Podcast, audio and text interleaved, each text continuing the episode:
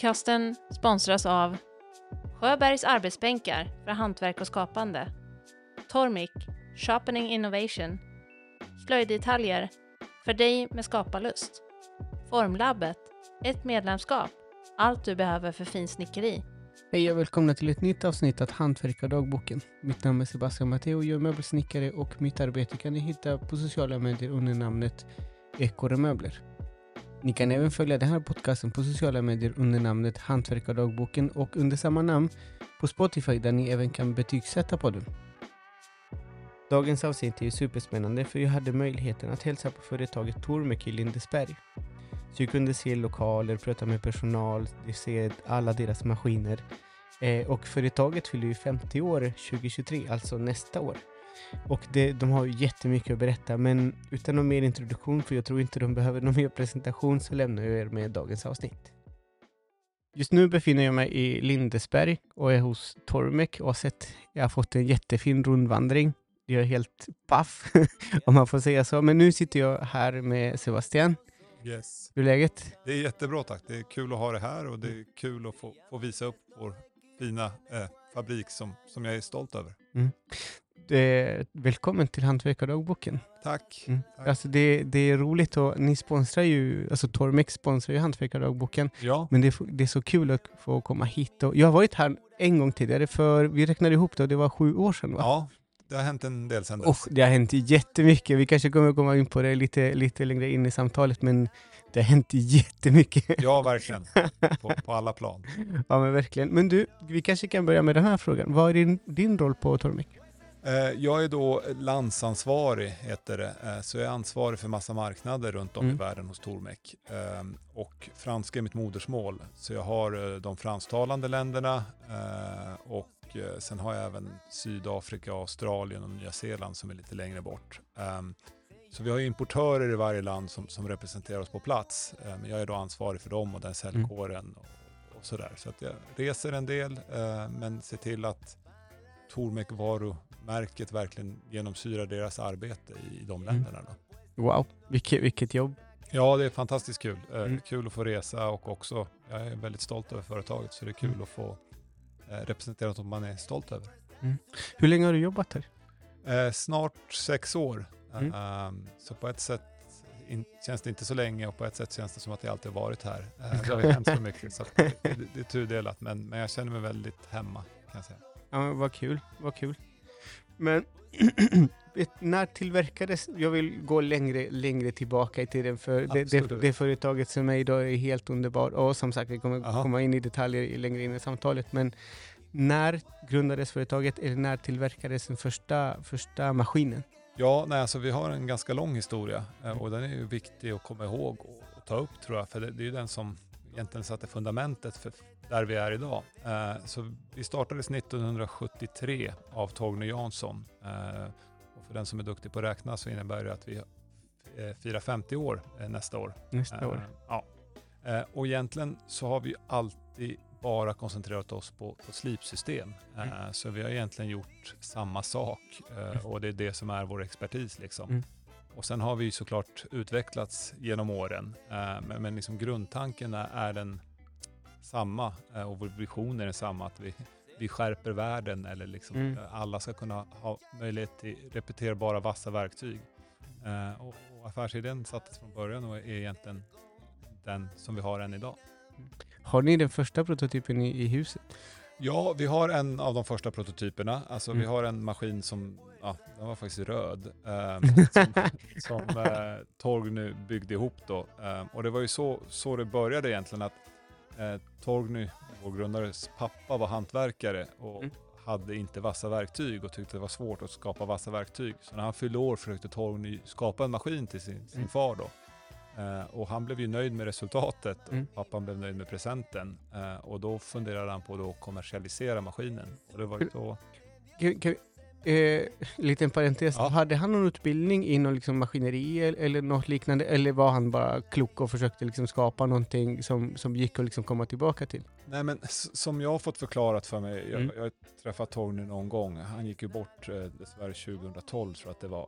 Eh, men, eh, och jag träffade honom någon gång, jag hade hunnit prata med honom, utan det är via hans dotter Karin jag får Mm. höra mycket. Men, men han var ju lite av en uppfinnar-Jocke, eh, Mm. så han gillade uppfinna diverse saker och han liksom hade lite mekanisk verkstad. Så han, han var med i någon sån här grupp här lokalt också med så här uppfinnar som, som hittar på grejer. Så, så han gillade hitta på saker. Eh, men sen blev ju då slipmaskinen hans Mm. eh, fullträff kan man säga. Ja men verkligen. verkligen. Så egentligen så börjar allt det här från ett behov. Ja, exakt. Så det var hans pappas behov av vassa verktyg som, som uh, Torny startade. Och, och det är egentligen så vi har jobbat vidare kan man säga och genomsyrar hela företaget. att vi möter mycket kunder och hantverkare ute på mässor och då identifierar vi behov eh, och så försöker vi tillgodose dem då med olika Mm. eh, jiggar som vi då producerar.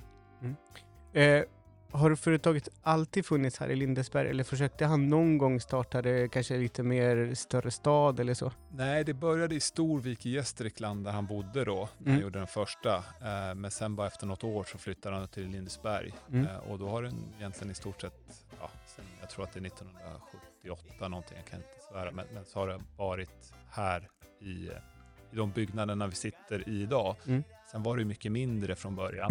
Eh, men eh, vi har väl köpt på oss alla fastigheter runt omkring eh, och liksom, ja, byggt dem.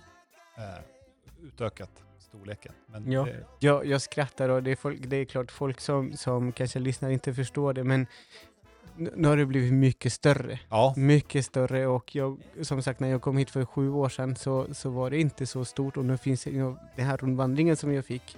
Jag fick se hela verkstaden och lager och hur man monterar i produktion och, liksom den här live-studion som ni har och den här live-studion som, som ni visade och som man kan se på Youtube. ja, Ehm, jag kom hit när, när eh, ni hade precis köpt den eller byggt den Ja.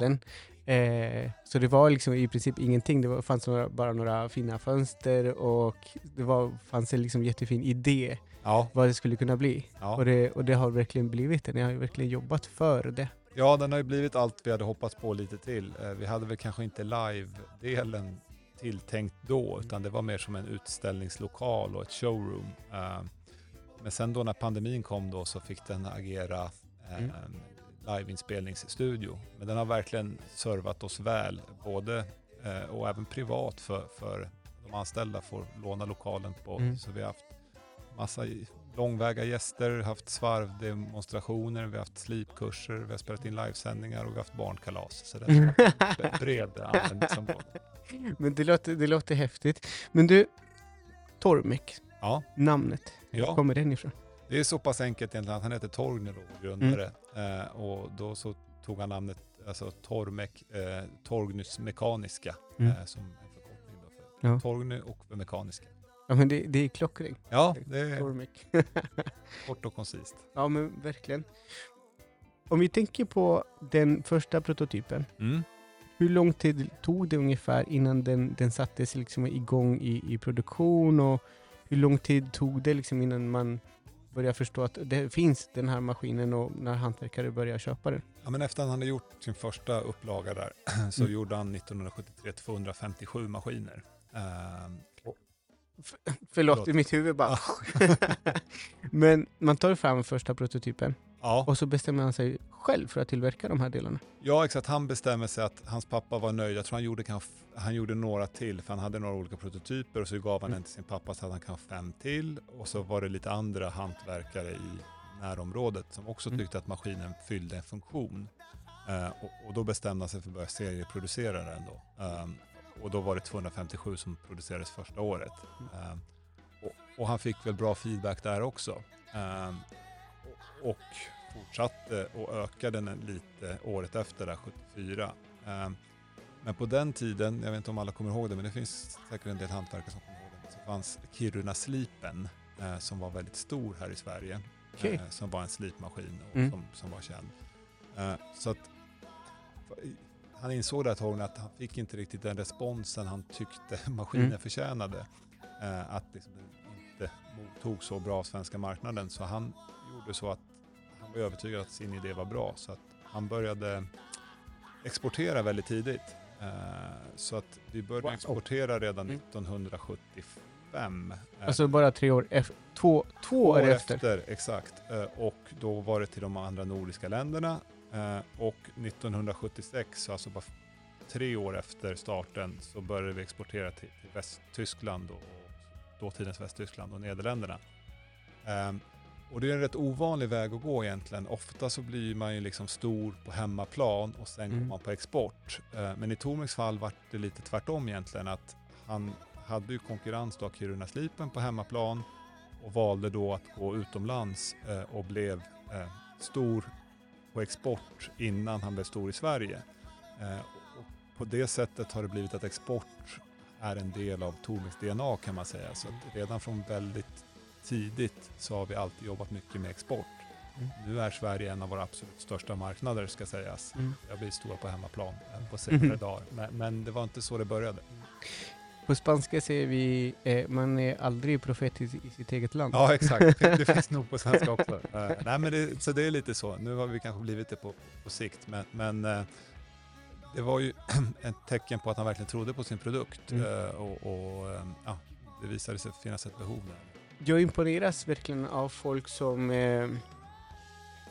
verkligen tror på sina idéer och kör hårt på det. Liksom, du vet, jag, det här är kanske, jag förklarar det för tjugonde gång, men när man säger nördar i den här podden är det finaste komplimangen Ja. man kan få. Ja, men alltså, när jag hör dig prata, när jag har hört, eh, jag har haft turet och, turen att träffa Karin som är, Ja. som är dottern till Torvin. Ja. Eh,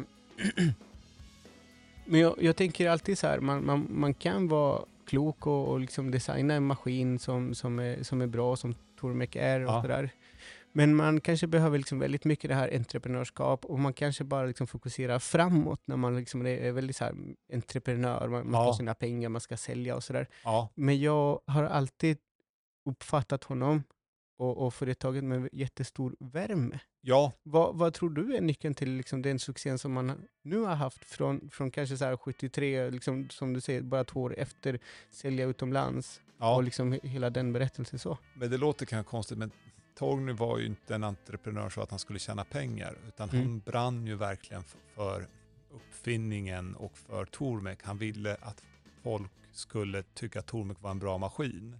Eh, och sen om vi tjänade pengar på det så var det, ja, det var väl inte fel idé liksom. Eh, men, men det var inte det som var syftet, utan alla pengar har alltid återinvesterats i företaget. Och eh, han brann väldigt mycket för den här produktutvecklingen. Och, och vi har hela, genom hela historien egentligen försökt liksom tillgodose användarnas behov. Eh, så jag skulle säga, jag tror vi har 16 eller 17 patenten och sånt på olika i, i, eh, delar och verktyg och jiggar och sådär.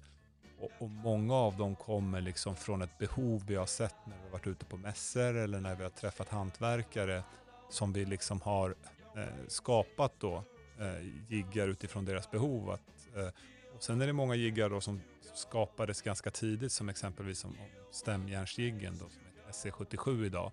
Den har funnits i 30 år, eh, men Mm. den har funnits i flera olika versioner där vi har gjort små modifikationer fast som om man är van vid att använda dem inser har gjort stor skillnad. Och då är det att man kom med en jiggen då på 70-talet och så frågade någon, ja men jag kan inte slipa den här typen av verktyg eller om jag har korta stämjärn så slår jag i stenen. Och då, de har gjort små modifikationer för att liksom hela tiden ja, förbättringar för att tillgodose eh, användarnas behov.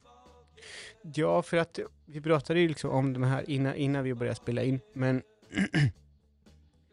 jag har ju sagt eh, att en person som inte kan slipa ett verktyg Mm. och som har en tormek framför sig, Mm. som aldrig använt en tormek eller vet vad en tormek är, Ja, plockar upp handboken, ja, kanske lite överdrivet, men inom en halvtimme ja. så är man igång och slipar ett verktyg på proffsnivå. Kan du hålla med mig eller liksom är jag ute och överdriver lite? Nej, jag tycker det är kul att du säger det. Jag, jag håller helt med dig. Eh, tanken är att den ska vara väldigt enkel och att det ska kunna få en repeterbar ägg oavsett nivå. Eh, så jag brukar säga att egentligen ska en sjuåring kunna slipa ett stämjärn till perfektion på Tormek. Mm. Liksom. Eh, och det du säger med handboken där är faktiskt roligt också, för den är otroligt välskriven. Och, eh, jag har hört massa historier, men det var liksom Torgnys bibel. De sa att han, Mm. liksom, han satt hemma på kvällarna och skrev i den där handboken och stötte och blötte och vände och vred för att Så det är han som har... Ja, det är han, ja, det är han som är verkligen grundskaparen. Sen har vi såklart efterhand lagt till Mm. kapitel och, och modifierat och sådär, men det är verkligen han som är eh, urfadern och som i allra största del har utformat handboken och skrivit den. Ehm, och det är ett väldigt bra system eh, och hög kvalitet och sådär, men om inte folk vet hur man använder den så, så fyller den inte sin funktion och därför är just handboken har varit väldigt viktig genom åren och numera så lägger vi mycket tid på de här livesändningarna då och Mm. video för att förklara. Eh, för att vi är övertygade om att det är en fantastisk maskin. Användarna måste kunna använda den också, annars dör det ju lite. Ja, men jag tycker liksom med det här med handboken, det är ju superviktigt för att jag som professionell hantverkare, jag, jag kan ju använda de flesta jiggar, men ibland så glömmer man bort lite. Ja, Och sen så kan man ju bara ta fram eh, boken och bara, ah, just det, så, det, det är rätt, jag, jag kommer ihåg det rätt liksom. Jo, men så funkar det till och med för mig. Jag använder Mm. Tormeken en del, men ibland är jag på mässa, eh, jag jobbar i olika länder. Då har vi en två sidor, kanske till och med tre sidor. Det finns bilder på alla jiggar, Mm. eh, alla verktyg man kan slipa och vilken jigg man ska använda och hur man ska göra. Så Mm. kan du gå till det kapitlet. Så det kan ju vara nyttigt om man inte har slipat en getfot på länge eller vad det nu Mm. kan tänkas vara, så är den sidan väldigt bra att gå till eh, och, och på så sätt komma in i rätt kapitel för att få en liten påminnelse. Eh, för min del funkar det också bra när jag ibland, om jag är i vissa språk och vissa länder så, så vet jag ju inte vad, vad det är för verktyg de efterfrågar. Då har, har jag ju tydligt bilder så folk kan eh, peka vilket verktyg det är de vill slipa. Ja, just det, det, det är illustrerat, det är väldigt tydligt. Ja. Här. Om, man, om du frågar mig just nu, så här, Mm. vad, vad, hur mycket, vad är det för vinkel på en vanlig kökskniv? Ja, Det, det har ju ingen, no, eller det har jag noll koll på nu, men jag vet att jag kan gå till boken och Ja, få, exakt. få den finns- informationen direkt. Ja, det finns ju rekommendationer också, liksom hur vinklar och beroende på användning och Mm. sådär. Sen har vi försökt ta ut de delarna av handboken och lägga upp på hemsidan också. Mm. Eh, så det ska inte bara vara liksom hur du använder jiggarna, men också inspiration och Mm. allmänt lite kring exempelvis knivslipning eller eh, ja, lite olika kapitel. Ja. Liksom. Jag, vet exakt vad jag be- behöver för vinklar till mina hyvelstål Ja. och, och, och mina stämjärn och Mm. sådär, men det, det är annorlunda med lite andra verktyg, till exempel saxar och sådär som också går att slipa där och så. Ja, ja nej, exakt. Så det, det Mm. finns väldigt mycket olika verktyg. Sen är det ju så också att många hantverkare är ju artister. Eh, Mm. De har egna vinklar, egna idéer, Ja. hur de vill ha det. Och exempelvis, jag träffar mycket svarvare och träffar en svarvare i Frankrike så kommer han vara övertygad om att den vinkeln är den vinkeln som går. Sen åker jag till Tyskland så har de en annan idé, Mm. i Sverige en annan idé, i Chile säkert en annan idé. Eh, så jag brukar inte lägga mig i så mycket vad, vilken vinkel som är rätt, men jag brukar säga så länge du får det vasst och du är nöjd Mm. eh, så, så, så blir det bra. Och med Tormek-systemet har du möjlighet att liksom Mm. styra det själv. Ja, men jag, jag, vi brukar alltid säga, varje hantverkare har, bygger sin egen, eller skriver sin egen liten handbok. Ja, exakt. För att du Eh, frågar liksom tio olika hantverkare om, viss, om samma sak, som Ja. liksom, till exempel, i mitt fall, tio möbelsnickare. Ja, Du frågar dem samma, sak, du får tio olika svar. ja, ja. Och, Exakt. all, och alla är lika säkra på att de har rätt. Eh, Men jag Exakt. brukar inte lägga mig i det. Jag låter dem... eh, Ja, men, men du, jag har ju nämnt ehm, eh, Lindesberg många Ja. gånger i de här få minuterna som vi har pratat om. Ja. Men jag vill också veta, eller om ni vet till exempel, om folk i Lindesberg vet o- om Tormek och liksom hur, hur de känner för, för det här företaget. Jag tror att det har blivit bättre och bättre med åren. Mm. Eh, Jag, jag vet att vi har väldigt bra arbetsgivarvarumärke i Tormek. Man Mm. vet att det är en bra arbetsplats där folk trivs. Eh, Sen tror jag att det är sämre folk vet exakt vad det är vi håller på med. Det tror jag att folk har Mm. lite sämre koll eh, i allmänhet skulle jag säga. Eh, Har ni något öppet hus om året? Ja, vi har inget direkt sådär öppet hus. Vi har ju skolor som kommer Mm. på studiebesök och sådär och ibland har vi lite slipkurser och vi har haft något öppet hus genom åren. Eh, Mm. Det har ju varit lite lidande nu med pandemin. Men, men eh, vi har pratat om det och alla i Lindesberg känner till Tormek eh, och att det är en bra arbetsgivare. Men exakt vad vi gör tror jag att du kan få mer eh, spridda svar faktiskt. Men du, hur många maskiner? Jag vet att det finns, vänta nu, nu, vill jag säga rätt. Fyra olika modeller har ni va? Ja, vi har, ja det blir svårt. Vi har egentligen, man kan ju säga att vi har på blå sidan, eller alltså på hantverkarsidan, har vi egentligen en stor och en liten. Mm. Det har vi haft många år nu. Och i nuläget heter de T8 och T4. Sen har vi en T4, den är lite mindre, även i en Bushcraft-modell eh, som då siktar mer mot outdoor. Det är egentligen Mm. samma maskin, men den är grön. Det är viktigt inom Bushcraft har jag förstått. eh, men sen, ja, gå på en jaktmässa ska du se mycket blått. Det ska vara grönt. Eh, men där får man också en knivjigg och en yxjigg då, så det är egentligen samma maskin fast lite annat koncept. Liksom. Ja, okej. Eh, sen har vi två maskiner för eh, köksmaskiner, så en för den professionella kocken eh, och en för hemmakocken. Mm. Eh, och där är, ja, den för den professionella kocken kan man slipa lite olika köksredskap med främst knivar och T1 då som är vår senaste produkt som är för hemmakocken. Där är enbart eh, köksknivar. Eh, Mm. Ska vara liksom en, ett husgeråd kan man säga. Ska, lite snyggare, lite mindre. Man ska kunna ha den i köket och liksom alltid kunna ha vassa knivar i köket. Men alltså, det är klart, jag, jag är på plats, jag är på Tormek eh, och det är liksom så kul att se alla, alla, liksom, alla maskiner uppradade som man kan titta på dem, ta på dem och så, så olika modeller och liksom, Ja. eh, lik, likheter och olikheter. Sådär. Ja, Att hur mycket de skiljer sig till varandra. Ja. Och sådär. Det, det är superkul att, se- att se. Men frågan egentligen är, vet du hur många maskiner oavsett eh, modell ni tillverkar per år? Eh, Jag har faktiskt inte exakt koll. Det har ju eh, senaste fem åren har hänt väldigt mycket på Tormek. Vi, vi Mm. producerar otroligt väldigt många fler maskiner senaste åren. Jag har inte senaste siffrorna, men, men det handlar ju om tiotusentalet maskiner eh, eh, om året. Eh, Mm. Och det är den som jag skulle säga, det är de största har varit T4, T8 då, som har varit våra största Mm. eh, produktioner. De här nya köksmaskinerna, den professionella, kom ju bara för fyra år sedan. Och den här eh, senaste T1 tillkom ju i november. Eh, och då smygstartade vi bara på svenska marknaden. Eh, och nu så har vi öppnat upp för USA, Tyskland och Frankrike också. Så den Mm. går inte heller att köpa över hela världen än, utan vi började småskaligt för att känna bättre kontroll på det. Du nämnde det lite tidigare, att eh, kanske Sverige liksom är den största marknaden. Men eh, Ja, Hur- det är en hur av våra största. hur är det nu? Vilket, eh, hur, och hur många länder säljer ni till? Eh, ja, vi säljer ju egentligen över hela världen. Det finns ju nog Tormex över hela världen. Men vi representerar det var importörer i nästan ett ja, 40-talet länder runt om i världen. Eh, våra största marknader är Sverige, USA och Tyskland egentligen skulle man kunna säga. Eh, och sen därefter Frankrike är stort, också England är stort. Eh, Australien är relativt stort. Så det är verkligen världsomspännande kan man säga. Mm. Varför tror du att Tormek är liksom en känd eller världskänd varumärke? Vad är, vad är nyckeln bakom? För jag tror att alla, alla, i mitt fall till exempel, jag som är möbelsnickare vill tillverka möbel som förhoppningsvis, eller designa och tillverka som förhoppningsvis säljs liksom över hela Sverige och sen liksom utomlands. Ja, Men, men det, är, det är inte bara. Nej, men jag tror att det finns, det är säkert det är en komplicerat svar säkert, men jag tror att det finns, dels så tror jag att Torgny träffar ju rätt där. Det fanns ett behov och han träffade det behovet att Mm. kunna enkelt slipa sina verktyg, för verktyg är väldigt viktiga när man jobbar eh, och, och det kan vara svårt med slipningen och att man kan, alla kan enkelt få en repeterbar ägg och välja vinkel. Mm. Så att jag tror han har träffat ett behov där.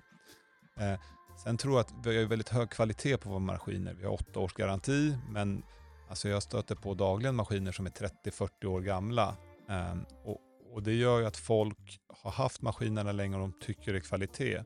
Och sen nu med liksom senaste 10-15 åren med internet som har kommit så är det ju våra alltså Tormek-ägarna som har verkligen lanserat oss.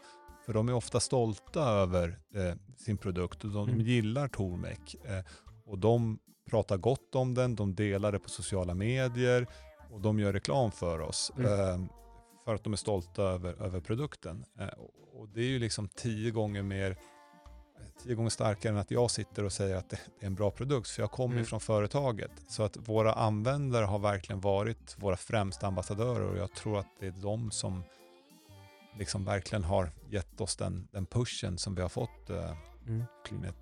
Jag, jag följer er på, eh, självklart på sociala medier, ja, men jag ser att ni delar liksom folk som i princip gör filmer Ja, hela tiden och själva maskinen, uppbackningar och till exempel hur man monterar, hur man slipper ett visst verktyg.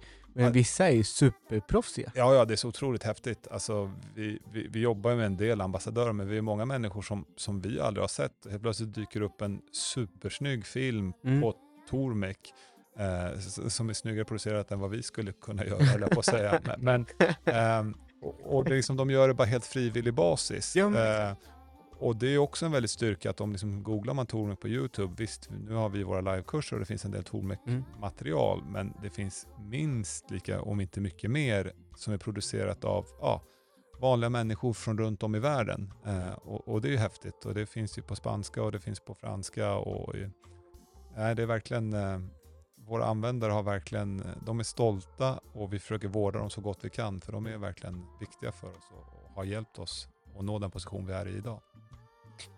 Nu har jag lite, en lite känsligare fråga, Absolut. kän- känner jag. För det är många i, i min bransch, Ja. möbelsnickeri, Ja. ehm, som jag vill kalla för purister. Ja, Att man håller sig till bara, kanske bara en teknik, ett verktyg, ett sätt att jobba på Ja. och, sådär, och, inte, och väldigt så här kvadratiskt Ja. och inte vill släppa in något nytt för Nej. att det, det är som man ska göra. ja. Eh, och kan tänka mig att ni någon gång har stötat på lite kritik kring hur, hur vass blir det? Hur Ja. enkel blir det? Hur, eh, hur ska det, det här, nej men det här ska liksom bli, du vet, platta stenar och inte den runda stenen som Tormek har Nej. och så. ja. Hur har ni, har ni hört någonting och hur har ni hanterat det? Jo, men som jag säger så är hantverkare konstnärer och alla har sina Mm. olika eh, idéer och vissa är ju mer filosofiska, eh, att man inte vill ha en konkav ägg eller man vill inte ha en konvex ägg eller måste vara absolut platt. Ibland så finns det faktiskt ett verkligt användningsområde för det. Ehm, det vi, jag försöker inte ge pekfingrar, så här måste du göra eller inte göra, utan som jag säger, är det vasst och det funkar för dig så, så är det bra nog. Ehm, men exempelvis så har vi gjort nu med de nya diamantskivorna och så har vi ett nytt anlägg som heter MB100 Multibase som gör att du kan slipa på utsidan av diamantskivan. Så vill du ha en helt rak ägg som inte är konkav överhuvudtaget eh, så kan du göra det på Tormekan också. Eh, Så vi har egentligen försökt ge alla möjligheter på Tormecken. Eh, vi har tagit fram den här ja- japanska vattenstenen som är 4000 korn så du kan få helt spegel mirror finish för vissa små snideriverktyg som är oerhört populära också. Så jag tror att vi försöker liksom tillgodose alla olika behov. Eh, sen kan det finnas för vissa absolut en, ett behov av att eh, de vill gå ner på stenar och då får de göra det. Eh, men sen tror jag också att det finns vissa mång- missförstånd genom historiska saker som har sagts. Exempelvis att du ska ha två äggar på ett, ett stämjärn. Ofta tror jag att man har två äggar på ett stämjärn för att om du ska slipa för hand så det, tar det väldigt lång tid att slipa hela fasen. Och Mm. det är ju inte sanningen på Tormek, Eh, utan det går väldigt snabbt. Om du vill ha två ägare på, på Tormek, exempelvis, jag vet vissa vill jobba med sån här flat over hollow, att de vill ju liksom ha en hollow grind och sen så vill de göra en, en, en helt rak flat grind över. Det kan du också göra på Tormeken egentligen. Alltså, du kan ju slipa först på, på stenen och så kan du slipa på sidan av om du nu skulle vilja ha det. Så vi öppnar ju liksom massa möjligheter. Eh, sen om inte Tormek är för dig, nej men fine, vi, vi, vi försöker ju liksom ge så mycket olika möjligheter som bara finns. Sen tror jag att man inte ska underskattas heller att du får en repeterbar ägg och du får samma vinkel varje gång. Mm. Och det är klart att en otroligt skicklig hantverkare kanske kan göra det på fri hand. Men det är väldigt svårt att göra på fri hand Mm. och det är inte för alla. Eh, och här får vi verkligen, alla får möjligheten att vara en professionell slipare och få en, Mhm. en och redan liksom, det här, jag pratar om japanstenen, bara man använder vår originalsten som går ner på 1000 grit och sen så bryner du av den ordentligt med, med, en, eh, med brynskivan så har du ett resultat som liksom överträffar 99% av alla stämjärn som, som man stöter på där ute skulle jag säga. Mm. För att alltså, jag brukar alltid säga han, att hålla på med ett hantverk, det är redan jättesvårt. Så Ja. man ska liksom försöka göra det lite enklare för sig. Ja, Jag, jag, liksom, jag drar en, kanske en parallell som hopp- förhoppningsvis någon känner igen. Jag spelar också golf. ja, Och det finns ju liksom ett, på något sätt ett, värdighet kanske inte rätt ord, men man, man köper svårare klubbor för att vara bättre golfare. Ja. Men det är skåren som kanske säger till dig, men du borde köpa klubbor Ja. och, och köpa någonting lite som, som är lite mer förlåtande. Ja, Och där måste man liksom säga, jo men jag köper de här klubborna för att kunna, för att kunna slå bollen lite bättre och för, förhoppningsvis få lite lägre score. ja, Och i hantverket hä- hä- händer ju samma sak. Jag, jag, är mina, jag äger ju en T8 ja, och jag har ju alla jiggar. ja, Men jag publicerar sällan en film där jag står och slipper, för att det, det gör redan jättemånga. ja, Men det jag brukar göra, som är också lite, lite kaxigt, ja, kan, jag också, Ja. kan jag själv tycka, är att jag skri skriver oftast, jag slipper mina verktyg med Tormek. ja, För liksom resultatet av de här fina, långa så här, spår Ja, exakt. som man Det får, som man liksom, om, om, om, om du tillåter mig att romantisera det Ja. här, att få lite jättetunna och sådär. Ja, det är klart. Tidigare så gjorde jag det med stenar. ja, För att jag inte hade en torv. Men sen, sen jag haft det, liksom en, den här japanstenen som du pratar om, det blir helt blankt. ja, Det är helt otroligt. Och sen så kan du liksom ja, dra jätte, jättelång spån och, och jättefint sådär. Så när, när folk frågar mig så har du en torr makeup, använder du den? Men jag har aldrig sett att du gör det. Jo men, jag, jag visar inte de filmerna, utan jag visar så här hur mitt verktyg fungerar, hur jag använder den. Och det funkar ju superbra. Och där är ju en väldig styrka återigen med våra användare. Mm. Att de kan faktiskt visa i användandet. Vi har otroligt många duktiga hantverkare och proffskockar och allt vad det nu är. Som kan faktiskt visa hur vasst resultatet verkligen blir. För jag, jag Mm. kan slipa ett verktyg jättevasst, men jag är en hopplös hantverkare. Och det är inte trovärdigt om jag står där. Så att många av de här Mm. filmerna som sätts upp av, av våra användare visar ju verkligen vilket resultat man kan uppnå med Tormek i praktiken. Eh, Och det är en väldig styrka. Ehm, Och där bidrar också liksom community mycket för oss. Men jag tycker också så här. För många kockar i köket blir maten aldrig bra. Nej. Men ni tar också hänsyn till användare som till exempel frågar om en utveckling av jiggar och så.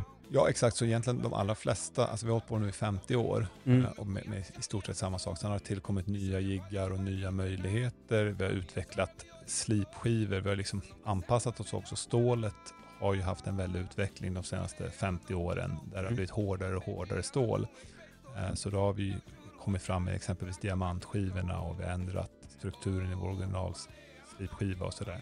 Eh, Men sen när vi är ute på mässor så de flesta idéerna till jiggarna har vi kommit fram till att vi ser ett behov. Det är någon Mm. som kommer eh, och har ett behov. Och finns det en bra lösning där vi kan skapa en jigg som, som faktiskt tillgodoser det här behovet Mm. så, så har så blivit fallet. Eh, så har vi gjort det. Det kan vara modifieringar men det kan också vara en helt ny jigg. Eh, sen måste det givetvis vara kommersiellt gångbart också. Det kan ju finnas någon jigg, vi kan skapa någonting som är jättebra men det finns kanske bara 200 användare av det här verktyget i världen. Men då kan man ju inte skapa en helt ny produkt bara för det. Då får man kanske hitta någon alternativ lösning. Men hittar vi ett behov som finns eh, så försöker vi skapa en jigg för det eh, och liksom, ja, patentera den. Då. Det, det jag tänker på liksom att det hur eh, spännande som helst är att grundaren kom på, på de här jiggarna för snart 50 år sedan. Ja, Och det är de som ni i princip har utvecklat. Det är klart man har utve- utvecklat fler, ja, men det är de som utvecklas under, under tiden. ja, Det är kul, kul att se, när, du, när ni visar mig runt, då tänkte ni också ha någon, någon typ av museum. ja. Då kommer man exakt. kunna se de här äldre maskiner, äldre jiggar och så. Ja, eh, det är ju det som är tanken exakt att Mm. vi ska. Vi har ju haft något liveavsnitt där på Youtube där vi har Mm. gått igenom Tormek-maskinerna genom historien, eh, där vi visar lite på film. Men nu ska vi till vårt 50 år skapa ett museum också och det är tanken att ge folk en resa genom Mm. Tormek-historien och, och visa utvecklingen. Mm. Eh, För det är något vi är stolta över och jag tror att vi har en av våra liksom kärnord är innovation. Och jag Mm. tror att det har varit nyckeln till att vi är så starka som vi är idag. Att det är samma maskin, men vi har hela tiden utvecklats och, och förbättrat oss och hittat nya lösningar. Eh, Och vi investerar mycket pengar i det och vi har ja, men fyra stycken som jobbar väldigt mycket med innovation och tar Mm. fram nya produkter. Eh, Men jag tror att det har varit en absolut nyckel för att vi kan komma komma in på det längre fram, men vi har ju blivit kopierade genom åren. Mm. Och hade vi då bara stått still eh, så hade vi inte haft en hade vi inte varit marknadsledande som vi är idag. Du, du hoppar nästan in i nästa fråga. Förlåt. Nej, det är lugnt. Men, men hur hanterar ni det? För att är det en bra maskin som alla vill ha, det är klart någon, kommer kunna kopiera det. Och vad händer då? Eller vad, vad är Ja. verkligheten bakom liksom allt så här byråkrati som...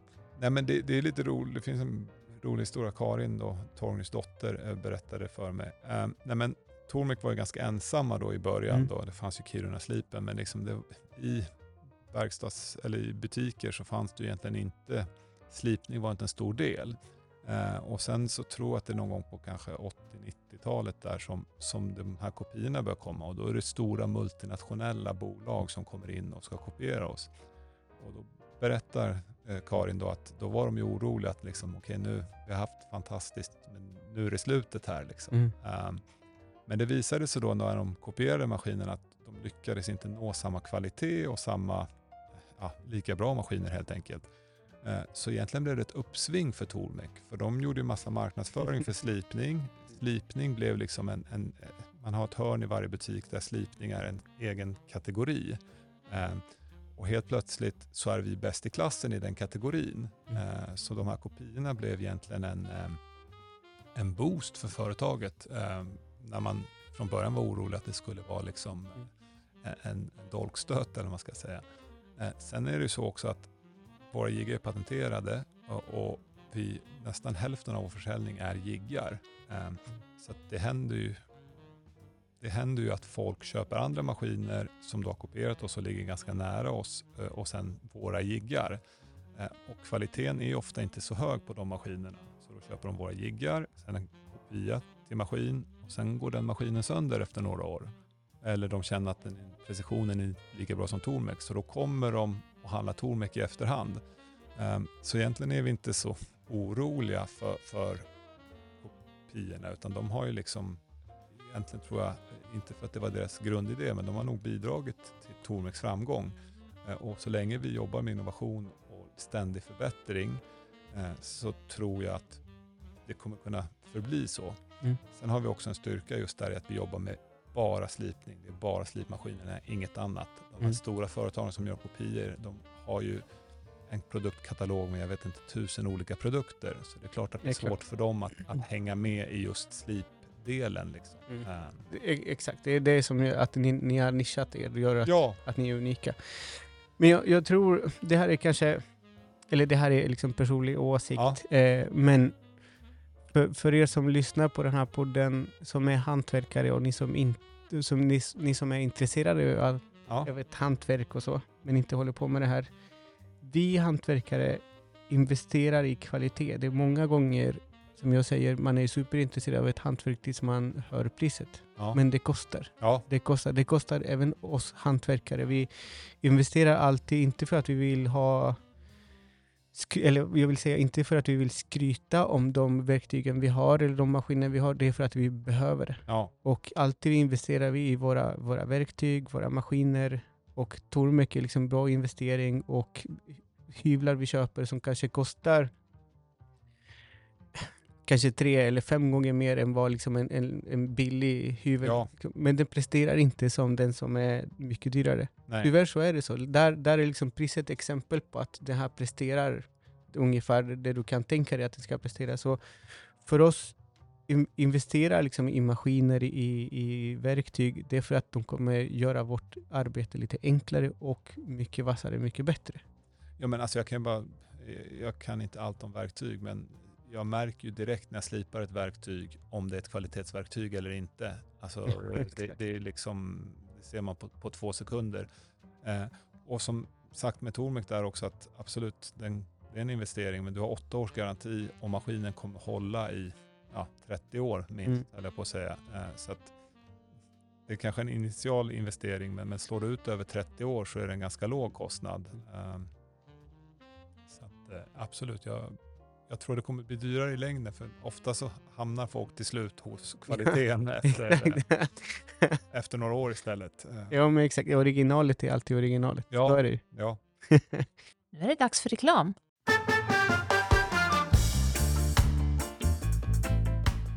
För att presentera våra sponsorer så har jag min kompis Ida som är biolog men älskar att skapa. Hej Ida! Hej! Vad vet du om eh, Tormek? Har jag aldrig hört om. Berätta. Tormek är ju i princip en slipmaskin, men de har ju utvecklats sedan år 73.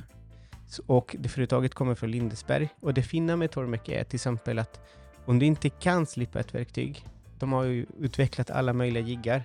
Så de har allt till knivar för att slöjda, köksknivar, de har jiggar för yxor, för saxar, allt du kan tänka dig. Och om du känner att, att du inte vet någonting, då är det bara att du plockar fram handboken, som du också har, och skrivit på olika språk. Eh, och sen i princip efter 20 minuter så kan du vara igång och bara börja slipa dina verktyg. Så jaktknivar, allt du kan tänka dig. Ah, coolt! Ja, verkligen. Om jag säger Sjöbergs arbetsbänkar, tänker du på någonting? Då tänker jag på arbetsbänken som står hemma i ditt vardagsrum. ja, det är så sant. Det är så sant. Jag såg på det avsnittet jag pratade med dem att jag skulle aldrig någonsin ha en bänk i vardagsrummet, men nu har jag liksom en, en Sjöbergs original 1900 och det hände ju så mycket på den. Du såg också att jag byggde hela underredet. Mm. Ja, jag älskar den bänken. Det känns inte riktigt som att jag kommer kunna ta bort den därifrån. Den har sin plats alltså. Exakt. Och företaget fyllde precis 100 år. Så under 100 år så har de tillverkat arbetsbänkar. Ett jätteintressant företag från Stockaryd. Eh, och de säljer ju världen över också. Så det är liksom svensk hantverk när det är som bäst. De har hyvelbänkar eh, för hantverk och skapande till, och de säljer till skolor. Det är liksom träslöjd, textilslöjd, hemmabyggaren. Alla kan ha en bänk hemma också. Det är de här jag snart då. Ja. du som alltid gillar att skapa, Ida. Eh, jag har ett tips till dig. Jaha. Formlabbet heter det. Det är i princip ett snickeri där du blir medlem. Betalar medlemskap varje, varje månad. Och så har du ett visst antal timmar eller dagar för att kunna jobba i snickeriet. Vad coolt. Va- Vart ligger det här? Det finns i Alby vid Zootopia. Det ligger ungefär 20 minuter från stan, så det är inte så långt. Mhm. Och kan du ingenting, eller kan du någonting sen innan, det är ju bara bra, men kan du ingenting så kan du gå nybörjarkurser.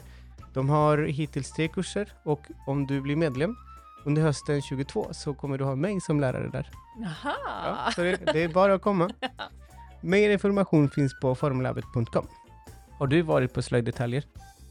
Ja, det har jag. Många gånger eller? Jag brukar beställa online. Mm. Eh, Men när vi var ute på husbilstur förra sommaren, då var jag till moderaffären i Skara förstås. Där. Wow! Dit måste jag också. Ja. Och där kan man ju hitta allt. Man kan hitta trä, knivar, garn, pärlor, maskiner, färg, papper, pär, alltså allt möjligt. Kan, allt, det är så stort och brett där. Jag vet, det är som en godisaffär att gå in i. Exakt. Men det, det som är roligt är att det som har precis fått ögonen för ett visst hantverk kan ju köpa de första grejerna där. Och också avancerade saker. För jag som professionell hantverkare kan också köpa maskiner där.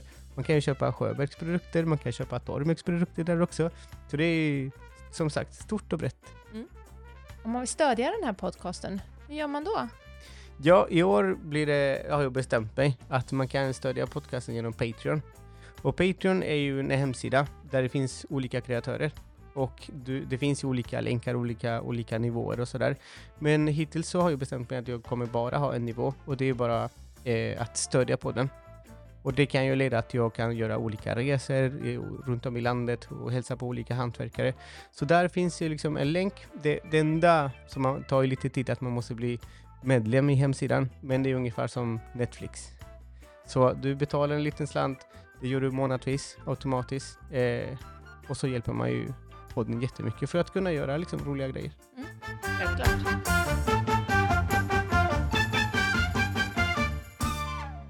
Men du, du, har- du har nämnt också jiggar. Ja, Hur många jiggar har ni? oj, nu ställer jag mig på pottan här. Men säg att det skulle vara ett 20-talet jiggar. Vi har ju Mm. väldigt brett. Eh, sen har vi lite tillbehör. Vi särskiljer Mm. på tillbehör och, och jiggar. Men vi, man kan slipa väldigt mycket olika verktyg med Tormek. Mm. Alltså vi har ju fyra olika jiggar för svarv bara. Eh, vi har tre olika knivjiggar. Sen har vi saxjigg, vi har stämjärnsjigg. Eh, vi har jigg för, för små handverktyg. Vi har borrjigg, eh, maskinhyvelståljigg, eh, jigg för profilstål. Så att vi har ett gäng olika jiggar, det är liksom ett helt slipsystem. Sen har vi en specifik jigg som bara är för knivar som bara funkar på de här köksmaskinerna Mm. också. Eh, Men vi har liksom försökt anpassa varje maskin efter ja, det gebitet, eller vad man ska säga. Mm. Eh, Så, så köksmaskinen är ju då, det är inget vatten på den, utan det är diamant eh, och sen är det en kompositbrynskiva och då är den anpassad för köksmiljön och du ska inte behöva hålla på med brynpasta och kladda med vatten och, och den ska vara enkel för alla att använda medan den andra delen är ett slipsystem där man kanske ska kunna liksom göra eh, en stor, många olika verktyg. Eh, så att vi har ett, ja men jag tror vi har 16 eller 17 patent. Mm. Eh, och då är det inte bara jiggar, men då är det också liksom vissa små enkla lösningar som exempelvis något som heter Torlock som är hålet på jiggarna så att det verkligen låser fast ordentligt. Mm. Um, vilket, ja, folk tänker inte på det i, i vardagen, men skulle man inte haft torlock på vissa jiggar så hade det liksom suttit löst och precisionen har varit en helt annan. Um, så det, vissa av patenten är liksom stora jiggar Mm. och vissa av patenten är mer liksom små saker som ger maskinen den höga kvaliteten och precisionen Mm. som den har. Jag, jag måste säga, jag, blev, jag har använt eh, T4 sedan tidigare. Ja. Sådär.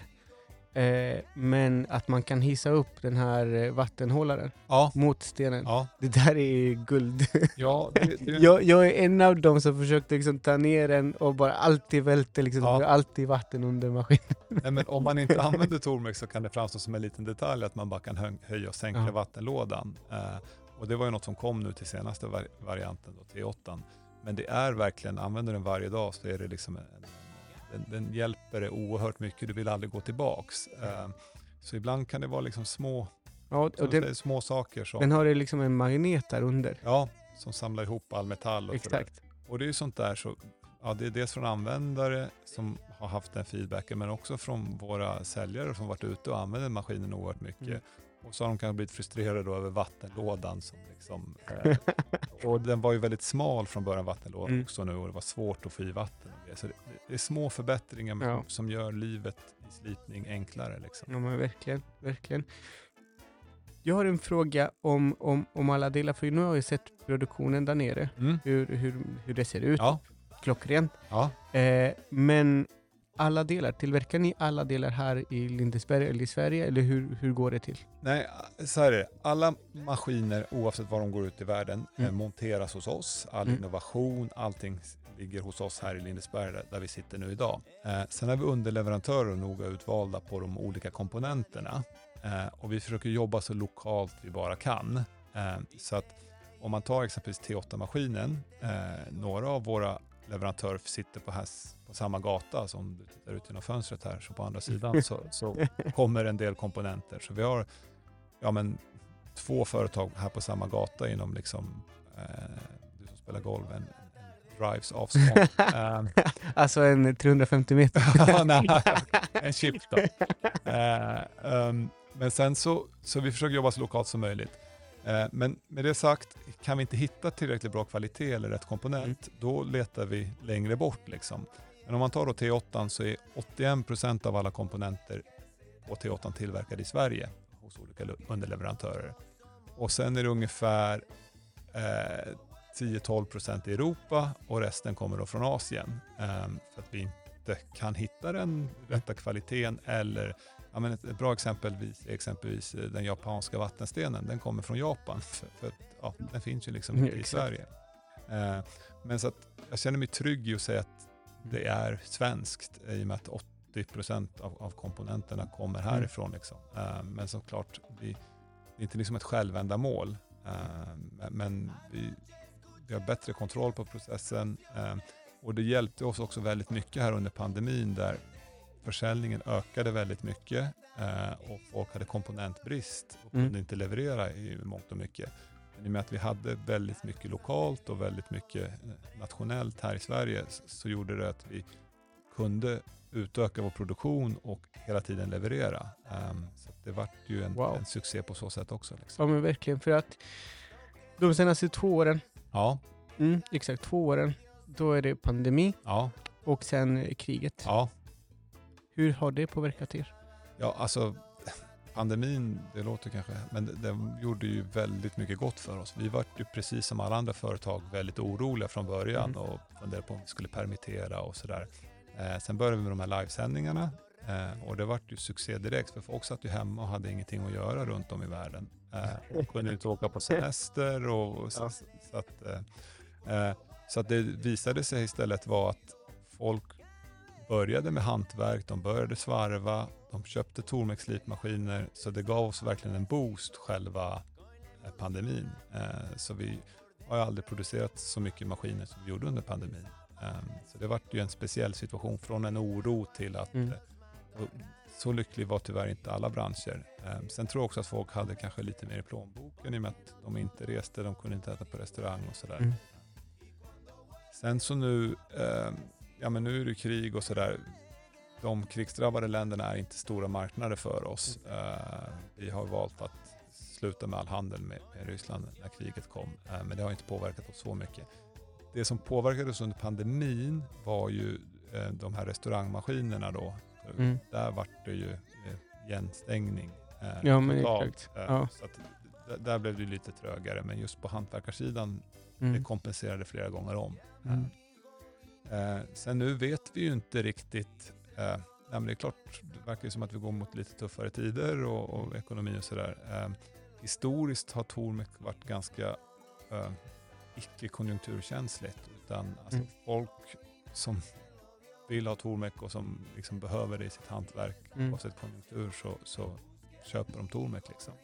För, för jag tänkte ju på det. Alltså om jag tänker, det du har berättat innan vi spelade in och nu Ja. det här samtalet, så, så känns det som att det alltid, Tormek successivt har varit alltid uppåt. ja, Men är det, är det verkligheten eller, eller har det också, för jag tänker så här, du berättade om, om, om kopior och man tänker så oj det Ja. här kommer inte vara bra och liksom man, känner, man börjar tänka eh, det, hur kommer det gå för oss? Men det där gjorde det liksom bra för Tormek. ja, Eh, pandemin, så här, hur kommer det gå för oss? ja. Och då är det folk som är hemma och det är många andra företag också. Ja. Så här, tapetserare har haft mer jobb än vad de kan klara av i princip. Ja, ja, folk exakt. börjar titta på möblerna hemma. Oj, det här kan liksom Ja. byta tyg och sådär. Eh, möbelrestaurerare är samma sak. Ja. Eh, då gick det också, ökade produktionen för Tormek och sådär. Men har det varit någon period där jag liksom började liksom tänka till och med så här, oj, ska vi verkligen fortsätta med det här eller? Nej, men jag, tror, jag tror att den där crunch-timen var ju där när eh, de här kopiorna kom, att då var ju folk oroliga att Mm. det här skulle inte... Eh, men annars har vi haft liksom en sund tillväxt egentligen hela vägen. Mm. Eh, sen jag började ja, för sex år sedan då, och då Mm. hade de gjort ett rekordår året innan och då tänker man ju hur det här kommer bli svårt. Eh, men vi har haft liksom en jämn ökning hela vägen egentligen. Och den har varit ganska explosionsartad då under Mm. pandemin. Eh, sen får man se nu kanske att det skulle bli en viss dipp kanske i år, men det tror jag är mer att vi hade en pandemieffekt Mm. som gjorde att vi sålde oerhört mycket eh, och att liksom jämför man med innan pandemin ligger vi på mycket högre nivåer än nu. Eh, så, så att nej, egentligen har vi inte haft någon dipp. Mm. Eh, det kanske kommer nu, det vet vi inte. Eh, men, men vi står liksom väl rustade och, och jag känner en trygghet i att liksom, eh, nej men det, sen har vi också sett genom åren att när man har sålt mycket Tormek-maskiner så åren efter så säljs det mycket jiggar. För Mm. du köper en Tormek-maskin för att du tänker att du ska slipa kniv. Och sen så inser du att oj, ja, men jag har en lie hemma eller jag har ett stämjärn eller jag har en Mm. slax. Och då köper de ju till jiggar. Eh, så att det brukar ju liksom, historiskt har det varit så i alla fall att om man har sålt mycket Tormek-maskiner så stiger jiggförsäljningen vartefter. Eh, och i och med att vi har haft Mm. rekordförsäljning de senaste åren så tror jag att jiggarna kommer ju kunna Mm. gå bra nu åren som kommer också. Wow. Vet du, jag, startade det här eh, samtalet med att en rundvandring jag fick. Ja, Men jag vill börja det här, jag vill att vi går igenom rundvandringen mentalt Ja, och berätta för absolut. folk. Men du använde en term som jag inte riktigt vet om jag hade, eller uttryck, Ja. vill säga, som jag inte vet om jag hade hört det tidigare. sagt? Tormek är ju ett plattföretag. Ja, Och det, hur säger man? Man ser igenom det på ja, något sätt. ja, Jag har ju eh, tur och lyx att kunna få en rundvandring, Ja. att vara här och se hela företaget, att se, jag har sagt, sagt det flera gånger, var här för sju år sedan och var här nu, var hur mycket- mycket den har växt och sådär. ja. Men är det, för jag, jag pratade liksom, jag, jag blev helt imponerad över hur ni, du, du jobbar liksom med, med att sälja liksom utåt och Ja. sådär. Men du och din kollega Tanja, ja. Eh, ni har ju jättebra koll på vad folk gör där nere i, liksom i, i produktionen. ja. Eh, och de var ju, vill jag säga, supernöjda och glada över liksom, den station de var på. Eh, de, har, de har ju också utvecklat eh, produktionen, hur Ja. de ska jobba. För då, jag fick veta att ni, de, i varje station så jobbar de med tio maskiner. Ja, Så de tar fram saker för tio maskiner och sen så när man är klar där hoppar man över till en annan station. exakt. Men jag är helt så här paff över att, över att jag har hört många gånger, om, om du köper en bok till, till exempel om hur du ska lyckas med ditt företag, Ja. då, ska, då ska du vara vass, du ska vara en haj liksom, och du ska vara, liksom, inte titta åt sidan och bara köra framåt och sådär. Ja, Men jag är oerhört så här, mållös av, av den värme som jag känner att företaget har. ja vad kul att du känner så. Eh, så känner jag också. Nej, men jag- tror att, som jag sa, det var därför det är viktigt att kanske gå tillbaks till historiken också. För jag tror att det är liksom i Tormeks DNA, eh, om vi tar det från Torgny från hela vägen från början, att han var liksom, sen är det nog svenskt också att man har en platt organisation. Eh, vi är mycket plattare än i många andra länder, men att Torgny var ju verkligen liksom, han startade någonting och sen så anställde han och de blev kompisar och de blev en familj. Det är verkligen Mm. ett familjeföretag. Ehm, och jag tror folk känner stolthet eh, och, och ledningen genom åren har varit jag tror inte att det här, du sa att man behöver vara en haj och så. Jag tror tvärtom att känner folk stolthet så är folk villiga att investera sin tid och sin kraft för företaget. Och, och jag sa det till dig innan där att men jag blir glad när jag kommer ner i produktion och, och jag har en gäst med mig och de är entusiastiska och höra vem du är, de vill Mm. berätta och de är stolta för de har tagit, varit med och tagit fram de här effektiviseringsprocesserna. En gång i veckan så får de prata om hur Mm. det ska bli så effektivt som möjligt i produktion.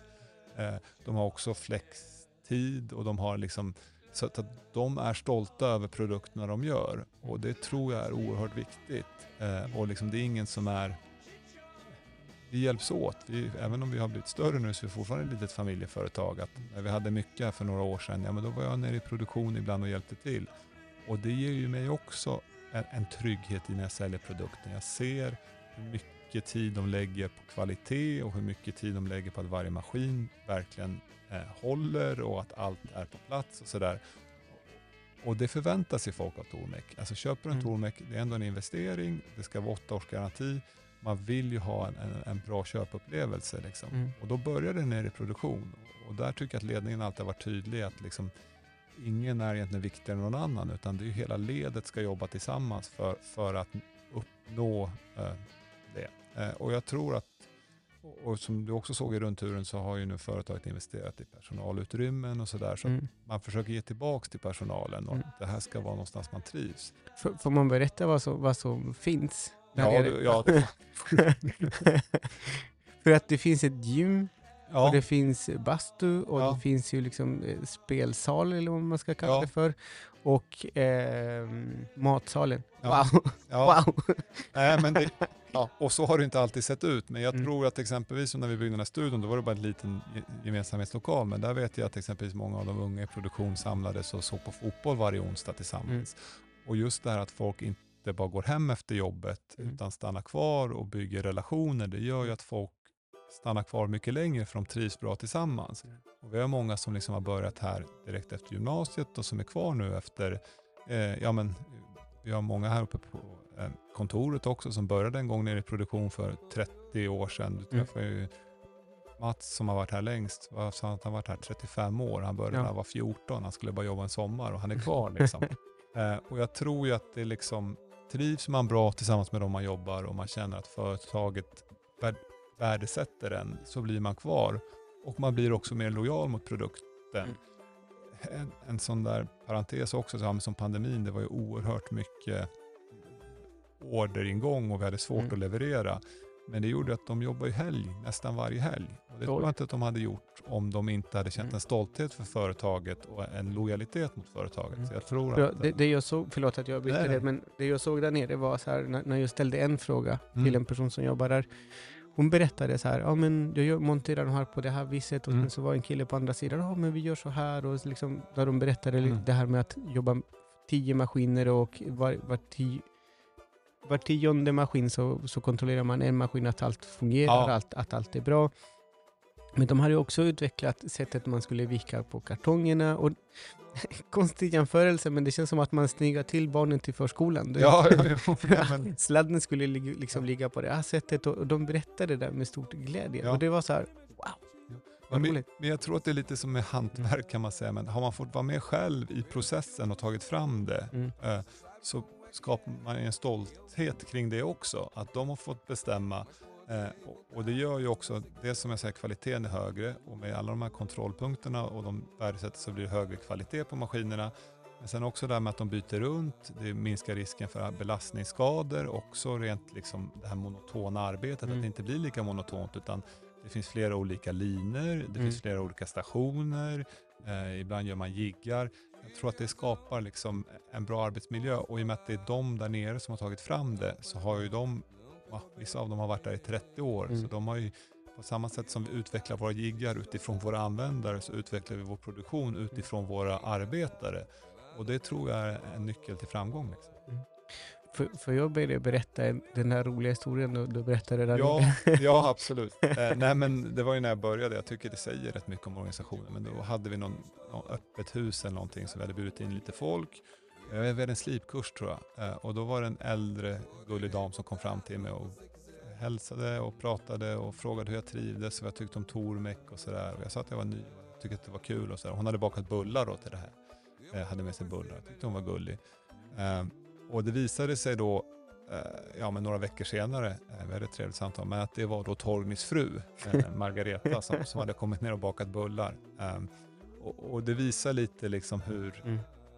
ja, det är verkligen ett litet familjeföretag. Ja. Eh, som tur var så var jag trevlig mot henne, är trevlig oftast. Men, men, men, eh, det var en bra läxa också, att man, ska, man vet aldrig vem man stöter Ja. på där. Men så det är verkligen eh, genuint och jag tror Mm. han jag berättade den här historien om när vi eh, hade problem eh, med att vi hade lite smuts på vissa skivor så, Ja. så var det vd som diskade de första 500 liksom för att, så att ah, alla tar i där det behövs Mm. eh, och, och det tror jag är en styrka och liksom ingen, ingen är viktigare än någon annan utan vi är ett lag och, och ja, Ja. svenska modellen kan man säga. ja, men verkligen. Det är superfint att se. Men du, nu har jag lite, lite andra, andra frågor för att börja runda av samtalet. Absolut. Ni har ett eh, stipendier Ja, som ni delar ut en gång om året. ja, Hur går det till?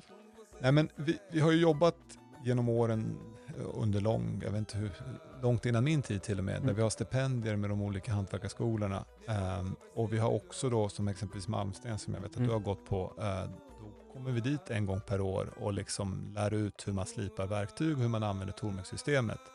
Eh, och det är ju kanske inte liksom, vad ska jag säga, direkt avkastning så, eh, och vi lägger rätt mycket tid på det, men ofta de som har gått Malmsten eller de andra skolorna, det är de som kommer bli, liksom, de kommer ha sina egna verkstäder, de kommer ha sina egna, och om de lär sig hur enkelt Tormek är och bra Tormek är så blir de ju ambassadörer på sikt.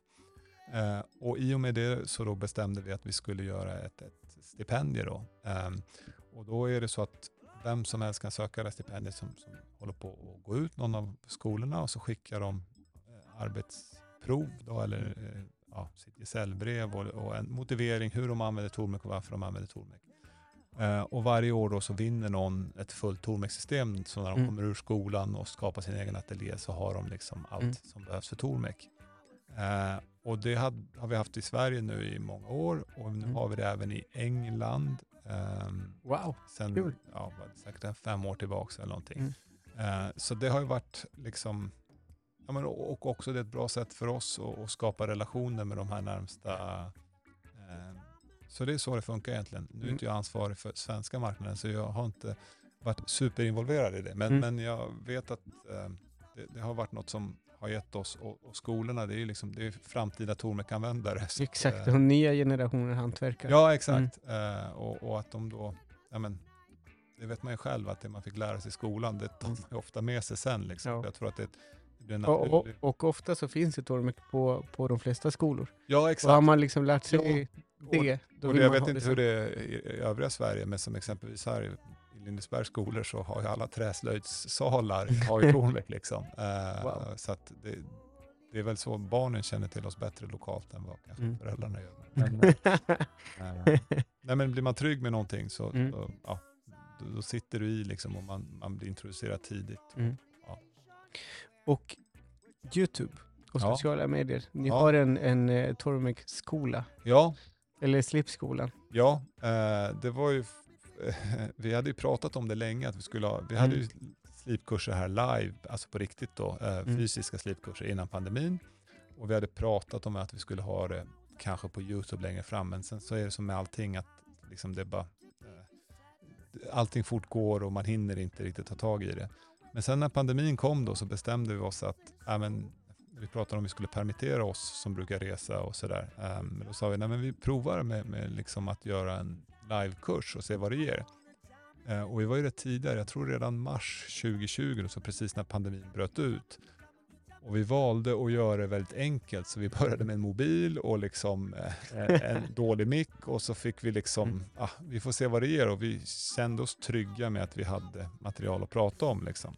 Ehm, som jag nämnde innan där, så folk satt ju inne och hade ingenting att göra. Mm. Så att jag tror att vårt första engelska liveavsnitt hade vi nästan över 300 följare som tittar på oss live. Mm. Och det var ju det är rätt, rätt mycket ja, det är ju rätt Mm. mycket. Eh, vi visste ju inte vad var mycket eller inte, Mm. men det var liksom, och jag kommer ihåg, man fick ju lite puls också, även om jag presenterat Tormek många gånger, så är det Mm. konstigt, du sitter med en liten kamera, men så ser du på skärmen att folk skriver liksom hello from Vancouver, Canada, Mexiko, alltså över hela världen Mm. och sitter och tittar på oss. Du fick uppleva vad alla lärare var tvungna att göra under två år. ja, eh, eh, nej men så det var ju succé och sen har vi fortsatt då. ehm, och vi gör då på fyra olika språk nu. Så vi har då franska, eh, tyska, engelska och svenska gör vi liveavsnitten. Ehm, och jag vet inte, vi är nog uppe i hundra avsnitt nu Mm. sen ja, det blir två och ett halvt års tillbaks. Och vi har över två miljoner eh, visningar. Jag vet inte, senast jag kollade så vi har säkert mer än så nu. Mm. Men, men det är ett väldigt effektivt sätt att nå ut eh, och också just med live-konceptet, för de ligger kvar i efterhand, så är det ett enkelt sätt att producera mycket material där man faktiskt kan utbilda eh, folk i Tomix systemet utan att man behöver klippa och klistra så mycket. För producera videomaterial, alla som gjort det vet att liksom, det tar rätt lång tid. Men just med det här live-avsnittet så tror jag att folk är lite mer förlåtande om det inte blir helt perfekt, för Mm. live kan allt hända. Men vi får ändå ut mycket material som är nyttigt för folk att kunna använda i, i, i sin slipning. Och sen tror jag också den här direktkontakten, att vi svarar på frågor i live-konceptet. Mm. Så har någon suttit hemma och haft problem med någon slipningsgrej så kan de ställa frågan direkt till oss och vi Mm. kan liksom visa eh, i live-avsnitten. Så att det har verkligen varit ett sätt för oss att, att nå ut till hela världen. Ehm, så det har varit, det har varit en, en succé för oss. Två miljoner. Ja, det är över två miljoner visningar på Har ni, har ni fått den här lilla... Typ, Nej, jag tror att- Jag tror att det är över antal, eh, över antal följare man har. Eh, som Jaha. man får. Eh, Så vi har inte fått någon sån här guldgrej. Men sen är det ju så att vi sänder då, vi har flera olika Tormek-kanaler. Så Mm. vi har Tormek FR, Tormek, Ja, eh, just det. så vi försöker liksom göra dem språkspecifika. Så vi har spritt Mm. ut dem lite. Men Eh, när ni behöver en på spanska så kan ni ringa mig. Ja, ja, spanska är en liten, eh, eh, en liten lucka vi har. Kanske dyker upp där, man vet aldrig. Ja, absolut. Men du, nästa år så fyller ni 50 år. Yes. Vad har ni, vad har ni i tankarna redan nu? Ja, jag vet inte hur mycket jag kan avslöja på att säga, men vi, vi ska ju såklart markera att vi fyller Du kan, 50 år. du kan berätta för mig efter. Ja, jag kan berätta efter när vi har stängt av mickarna. Nej, men det kommer hända en hel del. Eh, vi kommer ju försöka liksom markera, vi kommer försöka ja, fira att vi, att vi fyller 50 år och vi är stolta över Mm. vår historik. Och i, i nuläget, i 50 år är ändå liksom, eh, det är ändå någonting. Eh, så vi ska, ja, jag kan ju avslöja så mycket, vi ska bygga upp ett litet museum eh, Mm. där vi kommer visa alla maskiner genom historien och berätta Tormek-historien då i det här lilla museet. Eh, och sen har vi tänkt att ha öppet då för allmänheten under det här jubileumsåret så att Mm. folk ska kunna komma och besöka oss. För det händer faktiskt att det kommer ju långväga gäster som liksom, från Tyskland och Holland och så på Mm. somrarna som gärna vill komma och besöka fabriken. Eh, och, vi har haft stängt dels under somrarna på semesterstängt där. Men, men nu hoppas vi att vi kunna ta emot dem. Mm. Ehm, och sen vet man aldrig, men för vårt 40-årsjubileum hade vi en jubileumsmaskin. Det är inte omöjligt att det dyker upp något sånt heller, det vet man aldrig. Wow. Ehm, men ja, det, ni får följa oss så förhoppningsvis så sköter vi kommunikationen bra så ni kommer stöta på vad som händer för 50-årsjubileet Det är bara, här. det är bara att börja följa på, på Youtube och på Instagram kanske framförallt. Ja, absolut, det kommer. Du, den här frågan brukar jag alltid ställa till, eh, till hantverkare. Ja, Jag träffar och så här, du är inte du är hantverkare men du jobbar för Tormet. Ja, ja. Men vad har du för budskap till, eh, till alla som lyssnar på den här podden? oj, eh, det, ja, det är en stor fråga. Nej men att, ehm, att om ni har Tormek Mm. så, så är vi övertygade om att det är en bra maskin. Men om ni inte kan använda er av den eller om ni har svårigheter så, så hör av er till oss. Eh, Mm. Vi har en väldigt bra kundservice och kunniga medarbetare som är väldigt hjälpsamma. Eh, så att vi är övertygade om att det är en bra maskin, eh, men det är viktigt att du känner dig trygg med den också. Mm. Så hör gärna av er till oss. Ni kan ringa, ni kan skicka mejl, ni kan skriva på sociala medier. Och, och vi svarar oerhört snabbt och, vi har en kundservice och en vad ska man säga, eftermarknad som, ja, som jag sa innan, ambassadörerna och användarna är väldigt viktiga för oss. Så hör gärna av oss. Jag tror att det är rätt unikt den, den, Mm. eh, den kontakten man kan faktiskt ha med företaget och hur mycket vi gärna vill hjälpa åt, hjälpas, hjälpa till. Ja, men tack, så, tack så jättemycket för, för det här samtalet. Så rundvandringen, jag är fortfarande helt så här paff. det kommer Ja. jag vara en liten stund till. Ja. Hoppas att ni som lyssnar på podden känner, eller har lite överseende för det. ni, ni hade varit likadan om, om ni var här. Ja, ta- tack, för att du, tack för att du kom och, att, och det var jättekul att träffa dig. Och, och du, tack för att du gör bra reklam för oss. Och jag, Nej, men tack, Ja. tack för stödet. Eh, ni som lyssnar på den här podden, kom ihåg att följa på Instagram, Hantverkardagboken och under samma namn på, på Spotify. Och där på Spotify kan ni, kan ni även betygsätta på den. Än så länge är det en femma, vilket är det högsta betyg. Så se till att, att, hoppas jag det. inte drar ner er. Nej, nej, det tror jag inte. Men tack så jättemycket så hörs vi nästa gång. Hej då!